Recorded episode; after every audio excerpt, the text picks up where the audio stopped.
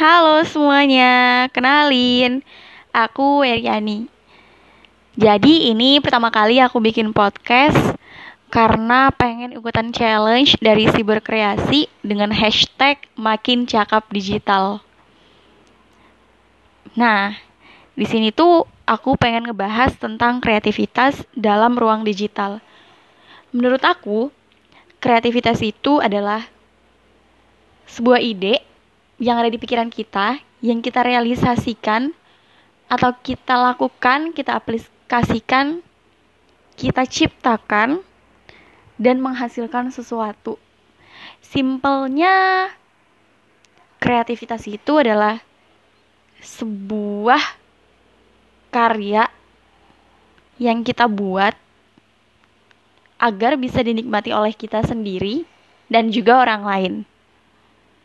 Nah, Sedangkan ruang digital itu sebuah tempat yang berbasis teknologi dan membutuhkan media.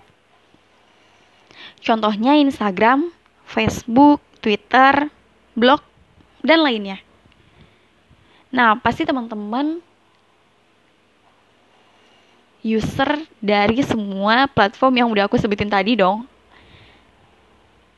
Saat ini tuh pengguna ruang digital tuh udah sangat banyak, mulai dari anak-anak sampai orang tua yang udah nggak kenal waktu lagi bahkan ada yang benar-benar nggak bisa lepas dari handphone dari smartphone-nya untuk mengikuti perkembangan yang ada di ruang digital.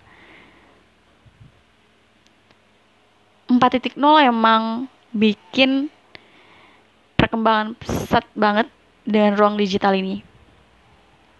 Banyak dampak positif juga tak sedikit dampak negatif yang ada di dalam ruang digital.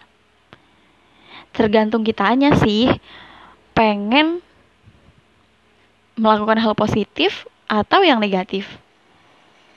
Di dalam ruang digital sendiri, kita bisa menemukan banyak hal, mulai dari informasi kesehatan, resep makanan, tentang parenting, bahkan jarang di ruang digital itu banyak banget hoax-hoax yang bertebaran.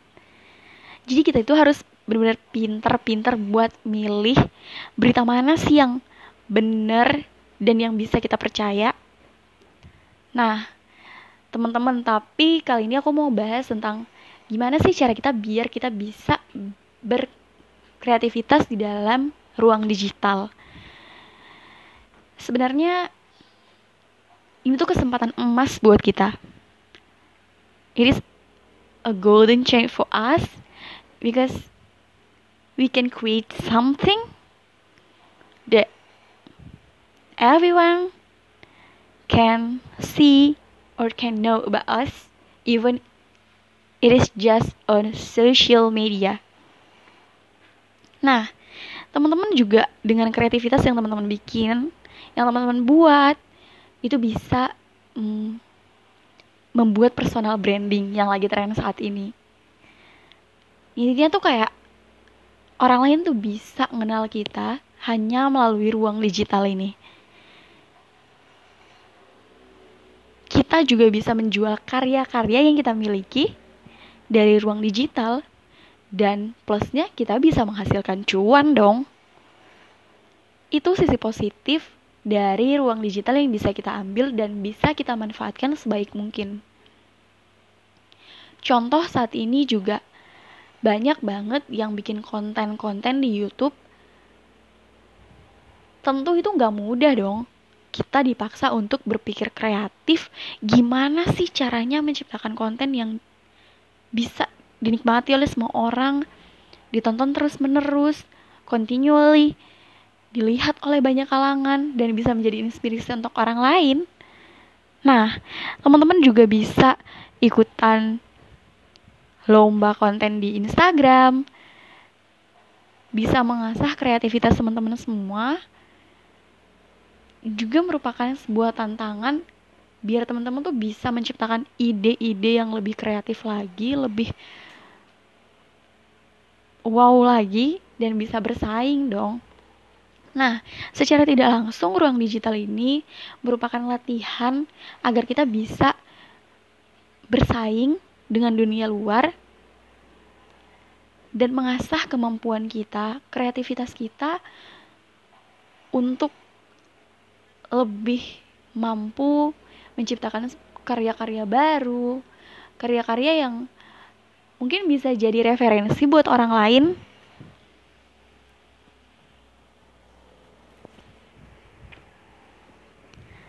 Nah, jadi um, teman-teman bisa melakukan banyak hal dengan ruang digital ini.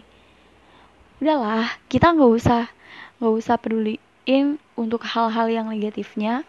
Sebaiknya kita memanfaatkan untuk hal-hal positifnya. Karena dengan ru ruang digital ini kita tuh udah dapat banyak plus-plusnya.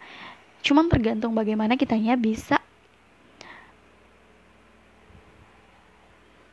menggunakan itu dengan baik. Nah, teman-teman, itu aja sih kreativitas dalam ruang digital menurut aku. Kalau saat ini aku udah bikin konten YouTube sama suka ikutan lomba di Instagram. Itu tuh seru banget. Even udahlah kita misalnya untuk awal-awal kita nggak usah ngejar cuannya dulu lah ya. Hadiahnya kalau lomba gitu at least kita udah bisa menyalurkan ide yang ada di pikiran kita. At least kita tuh ide-ide kita tuh disalurkan nggak nggak bener-bener yang dipendem doang dipikirin doang tapi kita menyalurkannya. Meskipun untuk saat ini belum menghasilkan cuan tapi kita coba asah terus. Kita coba terus gimana caranya untuk berkarya di ruang digital. Aku yakin one day akan banyak banget orang-orang atau banyak banget yang bakalan ngelirik karya-karya kita kalau misalnya kita konsisten dalam membuat sebuah karya. Kalau menurut aku contohnya aja satu yang aku temuin ya. Uh, kira-kira pas pandemi tahun kemarin 2020. Nah, aku tuh baru tahu banget tentang voice over dan mungkin banyak orang juga yang baru tahu tentang voice over setelah ada salah satu voice over terkenal yaitu Kabimo sama Kak Putri.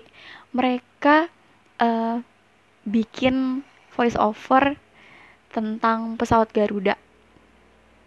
Nah, mereka membuat emang sih itu udah job mereka. Cuman dulu tuh emang benar menurut aku tuh kayak nggak terkenal gitu iklan sekedar iklan. Kita dengerin bahkan kita juga suka skip skip iklan kan.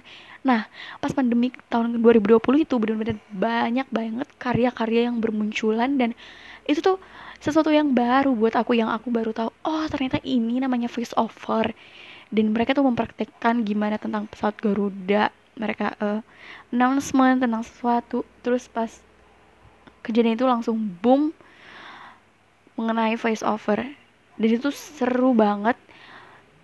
Benar-benar langsung banyak banget yang ikutin. Oh ternyata ini. Terus mereka juga buka kelasnya dan banyak banget peminatnya aku lihat. Dan bahkan sekarang aku juga tertarik dengan voice over. Karena itu benar-benar seru banget. Itu salah satu bukti yang teman-teman berkarya aja dulu. Nggak usah takut nggak dilirik orang terus aja berkarya. Terus menerus pasti suatu saat nanti semua itu bakalan ada hasilnya.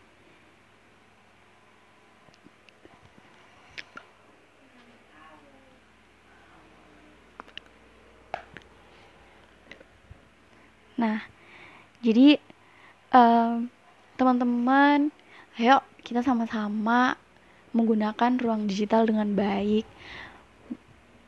Ayo tuangin semua ide-ide kita, gagasan-gagasan kita dalam sebuah karya. Setidaknya uh, meskipun tidak dilihat orang at least kita udah bisa menyalurkan ide kita itu udah menjadi suatu kepuasan tersendiri buat kita. Yuk semangat berkarya berkreasi berkreatif jadilah kreatif berkreativitas dan semoga karya teman-teman juga bisa dilihat dilihat banyak orang, dilihat banyak orang. Semangat terus, see you.